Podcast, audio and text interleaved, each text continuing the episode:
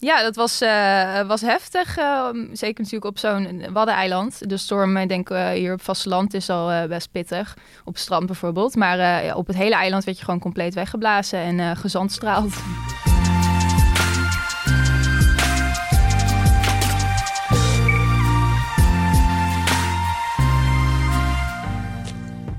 Hallo en welkom bij de Week van Nu.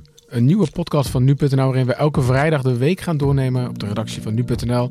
Zodat jij aan het eind van de week helemaal op de hoogte bent van het laatste nieuws. En ook wat er speelt op de redactie van Nu.nl. Mijn naam is Gert-Jaap Hoekman. Ik ben de hoofdredacteur van Nu.nl. En deze week, de eerste aflevering, trappen we af met drie uh, collega's, drie uh, leden van de redactie van Nu.nl in een iets te krappe studio. Dus het gaat hier, uh, gaat hier lekker warm worden. Um, vandaag praten we met videoverslaggever Lotte Procé. Uh, Lara, Lara Zevenberg van de entertainmentredactie en economiecoördinator Thomas Moerman. Welkom allemaal. Hey. Dankjewel. Ja, we gaan drie uh, onderwerpen waar jullie, waar jullie vooral druk mee zijn geweest deze week doornemen. Maar e eerst even een, een soort korte samenvatting van deze week. Want het was ja, het was uh, de week, uh, de tweede week, de tweede volle week van het jaar. En het was de week dat er veel problemen waren in de Alpen. Door sneeuw, daar, daar zijn zeker twaalf mensen bij, bij omgekomen. Het was ook de week van de, van de Nashville-verklaring. Daar hebben we een boel over gehoord. Met name Twitter ging daar nogal los op. De, het anti-homo-pamflet dat door honderden mensen werd ondertekend. Waaronder SGP-voorman Kees van der Staaij. Nou, wat mij ertoe gebracht heeft om uh, aan te geven... dat ik me in de strekking van die verklaring kan vinden... is eigenlijk heel simpel dat daar ook bepaalde klassiek-christelijke noties... over huwelijk en gezin en seksualiteit in worden verwoord. Je hoorde van de Staai in het Radio 1-programma Dit is de Dag. Het was ook de week waarin Peter R. de Vries de inhoud van de opname naar buiten bracht... Uh, van een gesprek dat hij al in 2011 had met Willem Holleder. Daar gaan we nog uh, meer over horen... En het was de week, dat vond ik zelf al uh, een bijzonder verhaal, waarin een man in Venlo twee uur op een sissende granaat lag. We gaan even luisteren naar een fragment van Hart van Nederland. Ik was op wandelen en die hond moest plassen bij je boompie. En toen zag ik hier wat liggen. En op een gegeven moment uh, hoorde ik wat sissen. Ik dacht, hé, hey, dat is niet goed. Dus ik ben op de knieën gaan zitten.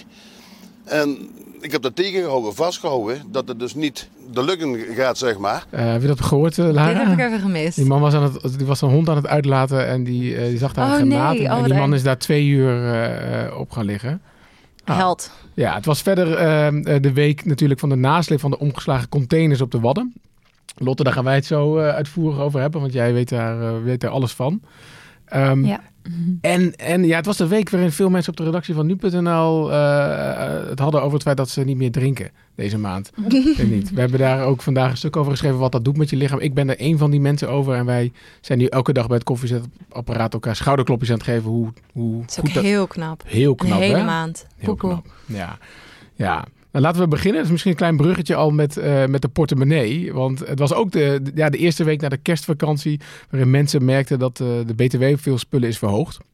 En in de kantine bij ons, uh, bij Sanema, zag ik een briefje hangen bij de kassa.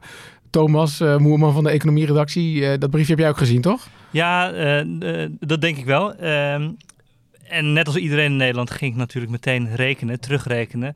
Uh, van hey, hebben ze zich wel gehouden aan die 3 procentpunt uh, btw-verhoging? Ja. En, uh, en, tot mijn grote furie zag ik dat een broodje en een, een frikandel, durf ik toe te geven, die waren meer, meer in prijs verhoogd. Hoeveel meer? ik dacht 5 procent. Um, Belachelijk. officieel moeten dan volgens mij 2,8 procent omhoog gaan. Dat is dan het verschil. Nou, dat ingewikkeld verhaal. Ja. Um, maar toen ben ik even gaan kijken, hoe kan dat nou? Eh, gebruiken de supermarkten en kantines eh, van Nederland dit als melkkoe? Een goed moment om de prijs nog iets extra uh, op te voeren. Ja. Maar dat lijkt eigenlijk wel mee te vallen. Laten we even, voordat, voordat je die spoiler al meteen helemaal weggeeft, even, heel even terug hoor. Want het gaat hier dus over het lage btw-tarief. Dat is op 1 januari omhoog gegaan van 6, tot, uh, van 6 naar 9 ja. procent. Maar wat, wat is het lage btw-tarief? Waar, waar, hebben we het dan nou, over? Je hebt, je hebt er twee in Nederland. Eentje is 21 procent en dan heb je ook 9 en dat geldt voor voedingsmiddelen. Daar gaat het in dit geval vooral om. Maar ook boeken, water, agrarische producten volgens mij ook. Uh, maar, agrarische producten, ja, wat zijn ik? Weet ook, ik weet ook niet precies wat het is, eerlijk okay. gezegd. Aardappelen. Wie weet. Nou, oké. Okay. Ja. En weet jij uh, waarom dit is gebeurd? Zeg maar, waarom heeft uh, uh, het kabinet het besluit genomen? En ze willen um, werken meer laten eh, belonen. Want de belasting gaat ook omlaag. Hè? Het wordt gecompenseerd via de belasting. Eh, en dan willen ze wel dat geld binnenhalen via eh, de boodschappen. Ja. Dat is de, het officiële praatje. Oké, dus er gaat iets omlaag en er gaat ergens anders iets omhoog. Ja, economen die ik heb gesproken, eh, wederom een beetje ingewikkeld verhaal, maar die zeggen ook dat eh, het hebben van twee belastingtarieven, dat werkt verstorend. Eh, omdat je dan groot onderscheid hebt tussen producten. En economisch gezien is het dus minder verstorend, omdat er minder groot verschil komt tussen dan de producten op de 21% en de, en de 9%, wat vroeger 6 was. En, en weet jij nog waarom- waarom zijn die twee tarieven er dan eigenlijk? Eh, volgens mij, correct me if I'm wrong, eh, eh, is dat omdat eh, eten en zo, dat heeft iedereen nodig om dat dan niet al te duur te maken. Oké, dus de eerste levensbehoeften die Ja. zijn, dan, die zijn dan nu 9% en andere dingen blijven, blijven 21%. Ja, we- kapper valt ook onder 9% bijvoorbeeld. Ja, ik geloof trouwens tijdschriften ook, hè? Want daar hoor Ja, ik ook wel veel mensen. Ja, tijdschriften, ja. Duidelijk een eerste levensbehoefte. ja, kennelijk. Ja. Ja. nou, ik hoor heel veel mensen hier natuurlijk. Uiteraard eh wordt hier bij Sanoma een boel tijdschriften gemaakt. Wel Is dat te maken klagen met een soort over. van Ja. culturele opvoeding of zo, denk ik. Ook omdat Ja. boek bij boek is het ook. Dus Ja. dat- maar ineens iets gaat dan die prijs omhoog. En eh, ja, daar hebben natuurlijk ook eh, veel, veel, veel middenstanders misschien wel last van. Maar jij, Thomas, hebt eh, uitgezocht dat je bent een beetje gaan graven in van wat doen nou die supermarkten. Ja, Ehm, en en wat, wat, wat, ja, kan je al een conclusie met ons delen? Nou, de eerste conclusie eh, was dat de, de supermarkten houden zich allemaal netjes aan die, die 3%. En daardoor was ik juist zo verbaasd. Omdat iedereen, ik denk jullie ook wel, kunnen wel een product noemen waarvan je denkt, hé, hey, maar dit is duurder geworden. Ja. Eh, er zijn een aantal redenen voor. Eh, ten eerste moet je, ja, het gaat om gemiddelde. Eh, een supermarkt gaat niet van elk product precies de prijs verhogen, maar aan het eind van je bonnetje staat wel een plus van eh 2,8% of zoiets eh, op. Eh, dus dat zal elkaar uitbalanceren. Mm, maar daarna gelden ook gewoon nog heel veel dingen, eh, heel veel andere zaken die eh, duurder worden. Energie, lonen, et cetera. Ja. En dat moet ook allemaal worden doorgevoerd in de prijzen. Eh, Dus het is meer dan alleen maar Ja. die, die supermarkten waar je het over hebt, die hebben zelf ook kosten die omhoog zijn. ja, omhoog zijn en, en vooral de horeca, die heeft te maken met een heel groot personeelstekort. Die moeten dan af en toe ZZP'ers inhuren. Dat is ook weer duurder dan een normaal personeelslid. Ehm, er zijn ook producten die eh, niet onder dat lage btw-tarief vallen, maar ook in prijs zijn verhoogd. Bier bijvoorbeeld. Hm. Gewoon omdat de bierprijzen van, eh, omhoog zijn gegaan.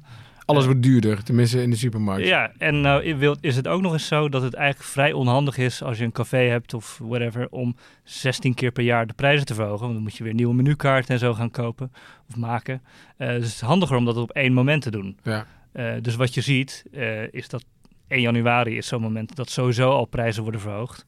Eh, en nu nog iets meer door die btw-verhoging. En nou hoor ik ook dat veel, eh, want de Volkskrant had daar best wel een, een mooi stuk over al van het weekend, dat, dat veel supermarkten dit natuurlijk al wel voor, voorzagen en dit al gewoon eigenlijk in december al gedaan hebben. Ehm, hè, dus dat doordat je gewoon niet op 1 januari ineens, eh, ineens merkt dat alles duurder, duurder is geworden. Is dat ook iets wat, wat jou, de experts die je hebt gesproken, eh, hebben die daar iets over gezegd of niet? Eh, nee, ik zag wel ehm, een mooie column volgens mij van Sandra Flippen. Heb ik haar naam zo goed? Volgens mij wel. Die, Wie is dat? Sorry? eh, die was vroeger van het AD en die is nu baas van het economisch bureau van een bank. En die zei, het was beter geweest als de supermarkten dat allemaal aan het einde van januari hadden gedaan. Mm. Want dat is eh, misschien netter naar de consument toe. Want wij hebben allemaal ons hogere salaris nog niet. Precies. Want Ja. we moeten ook, je hoort heel veel mensen klagen natuurlijk eh, van oh, alles wordt duurder. Dat is inderdaad zo. Maar we moeten echt absoluut niet vergeten dat ook onze lonen allemaal omhoog gaan. Ja, maar je zou zeggen, je, kan zeggen dat moeten de, de, dat moeten de, de, de supermarkten doen. Maar je kan ook zeggen, misschien had de overheid dat zelf moeten bedenken. Vanaf 1 februari. Ja, Ja, ja. ja. goed idee. Gert Ja, nou, ga, ik hoop dat ze luisteren, denk ik wel. Dus eh, de overheid luistert altijd mee. Dus ik ga ervan uit dat dat eh, bij de volgende keer... Wat is best wel gek toch inderdaad. Want eh, ik zat ook een beetje te denken... Ja, mensen klagen nu dat dingen duurder worden. Maar als het goed is, Ja. is dat niet zo. Tenminste, moet je erop vooruit gaan, toch? Dat was het, ja, eh, nou ja, het is natuurlijk ook een wel een beetje selectief van mensen. hè. Er wordt wel gecommuniceerd volgens mij vanuit de media en de overheid van iedereen gaat erop vooruit. Maar veel mensen geloven dat ook gewoon niet. Ik moet eerst maar zien of, eh, of ik er echt op vooruit ga. ja. Eh, en als iets duurder wordt, is het natuurlijk sowieso vervelend. Eh, nee. ja, zeker. Zeker als het ook hier in de kantine is. Nou ja, zeker als het Dus, ook op vrijdag over mijn kroket gaat. Ik, ik eet geen frikandellen hier, maar jij kennelijk, eh, jij wel dus.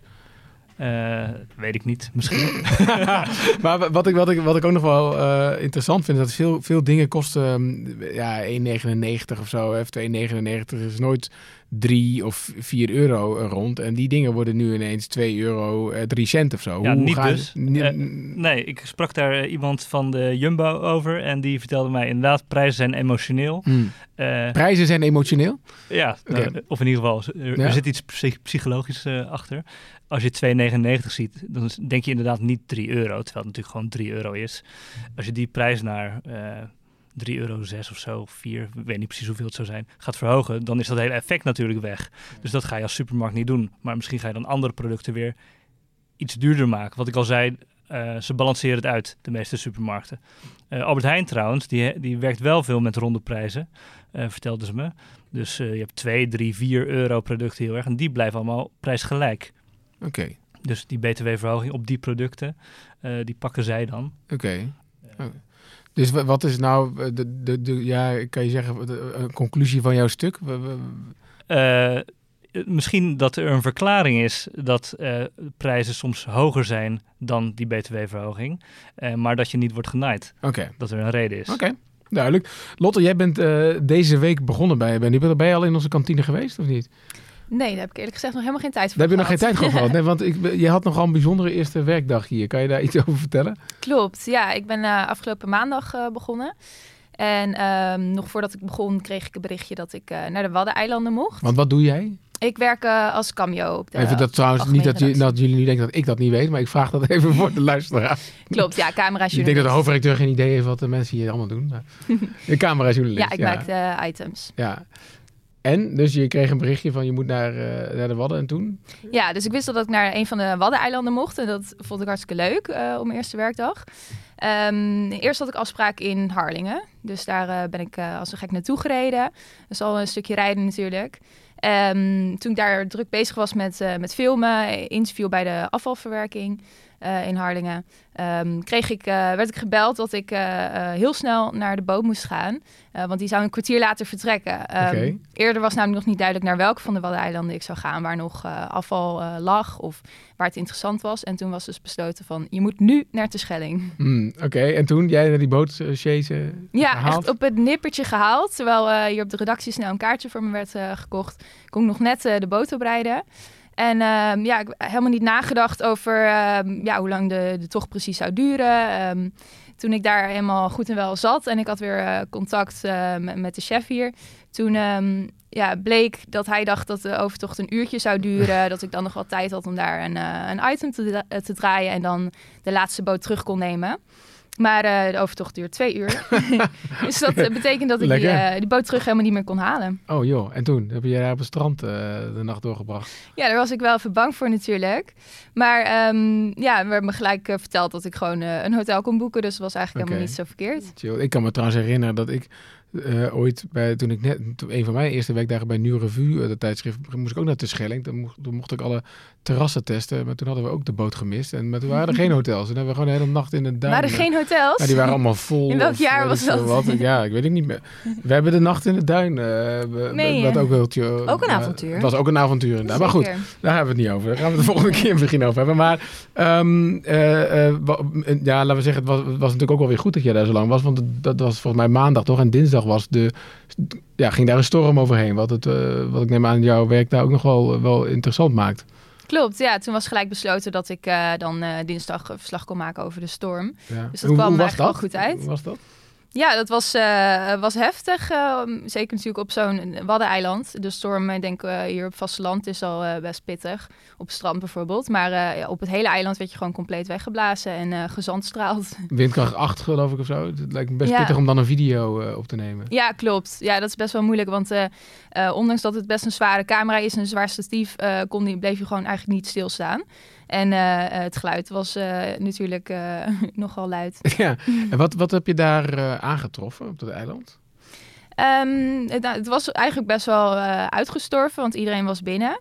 Maar ehm, het grappige was dat toen ik rondreed, dat ik toevallig eh stuitte op een eh manege met een groot bord waarop stond eh My Little Pony Hmm. opvangcentra.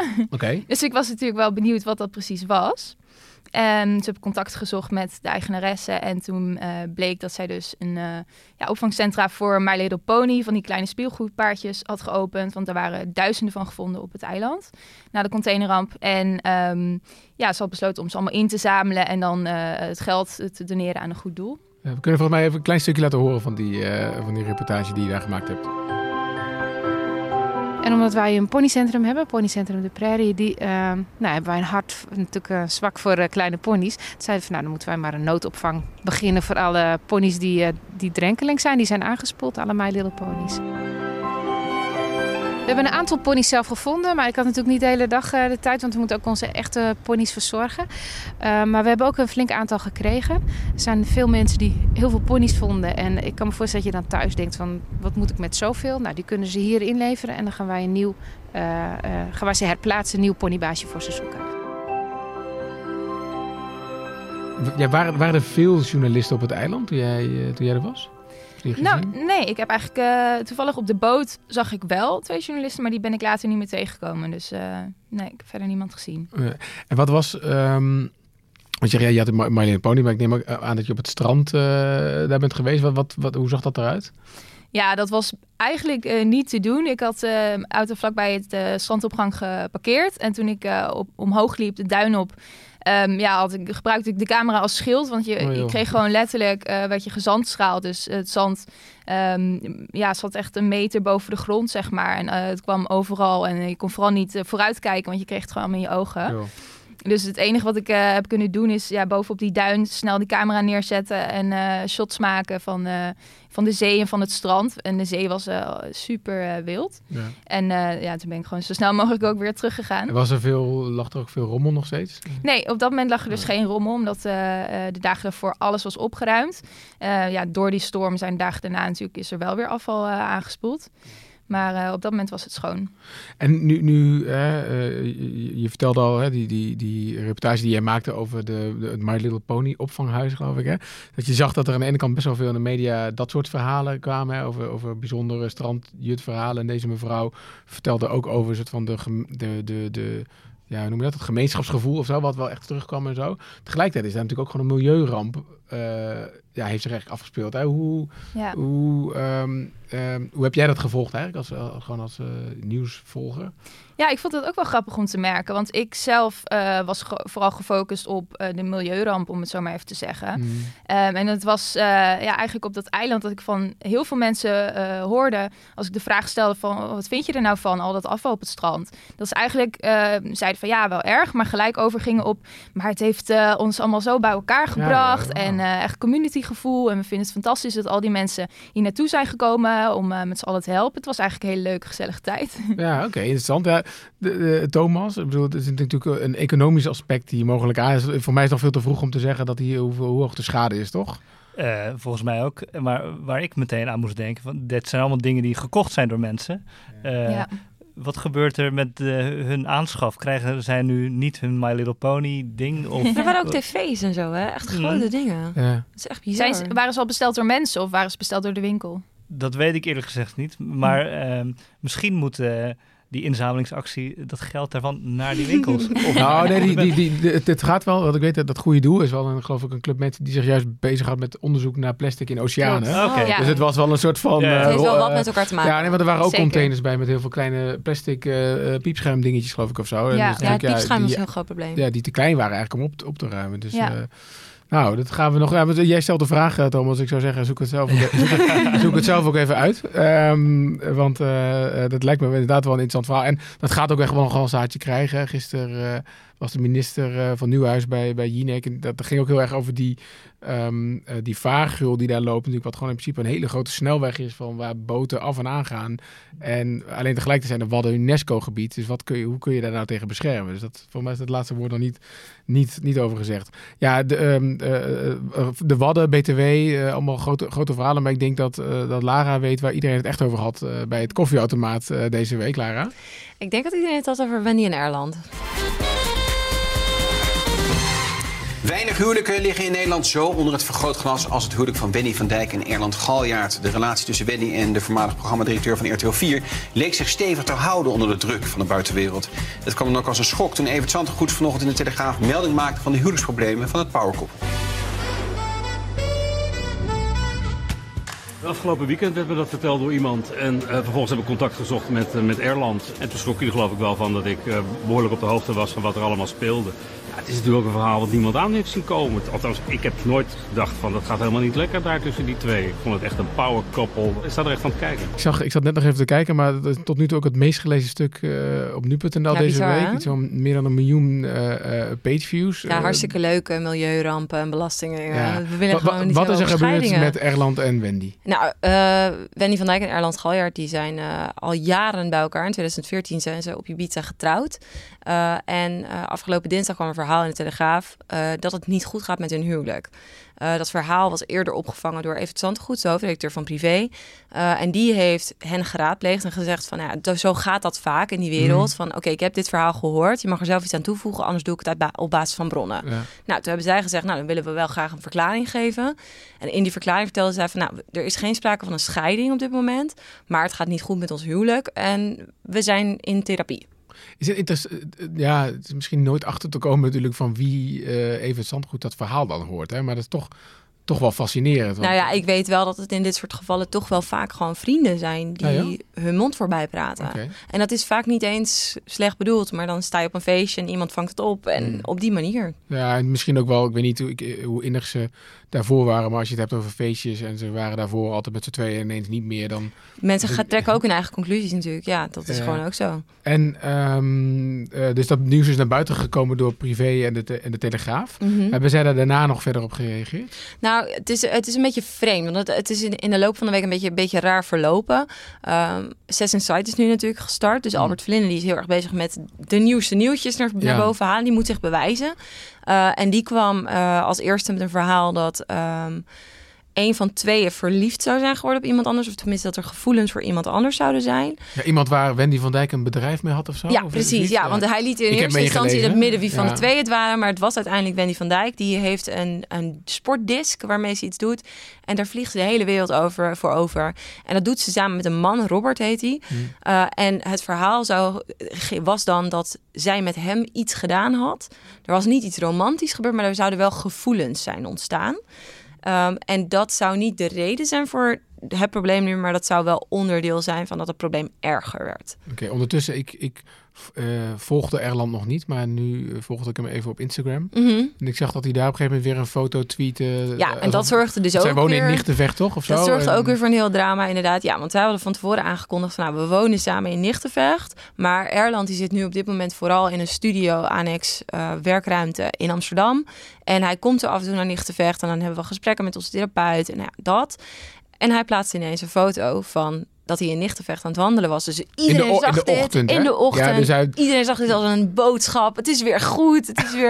Het was, ja, wel, snel gegaan zijn dan trouwens. Ja, heel snel. Ja, we ja. konden op dinsdag aan dat het niet goed gaat. En op woensdagochtend is alles weer goed. Kan, kan. Ja, nee, maar zo is het niet. Uh, want daar hebben ze dus wel, of tenminste daar heeft Erland wel nog op gereageerd. Dus hebben ze via, hun, via haar manager laten doen, dat is haar broer. Ja. Um, en ze hebben gezegd van nee, dat is het niet. We zijn gewoon aan het werken. En ja, Erland heeft inderdaad in Nichtenvecht geslapen. Maar dat hadden ze van tevoren ook al aangekondigd. Van we, we proberen er gewoon uit te komen. Ze hebben kinderen ook. Wij, wij hebben de, je wil iets over zeggen, Thomas? Ja, je zegt dat hebben ze aangekondigd. Dus sorry, voor mij, eh, ik... Uh... Het is niet helemaal jouw wereld. Nee. nee. Maar uh, hoe werkt het dan? Dus uh, zij met z'n tweeën doen dan een persverklaring naar buiten. Ja. Hij slaapt hier vanavond. Ja, nee, in de, in, de, in de persverklaring stond gewoon uitgelegd van... nou oké, we proberen aan ons huwelijk te, te werken. En voor een groot gedeelte woont Erland nu in Amsterdam. Maar hij gaat heen en weer tussen Nichtenvecht en Amsterdam. Ook omdat we met elkaar eruit willen komen. Oké, heavy.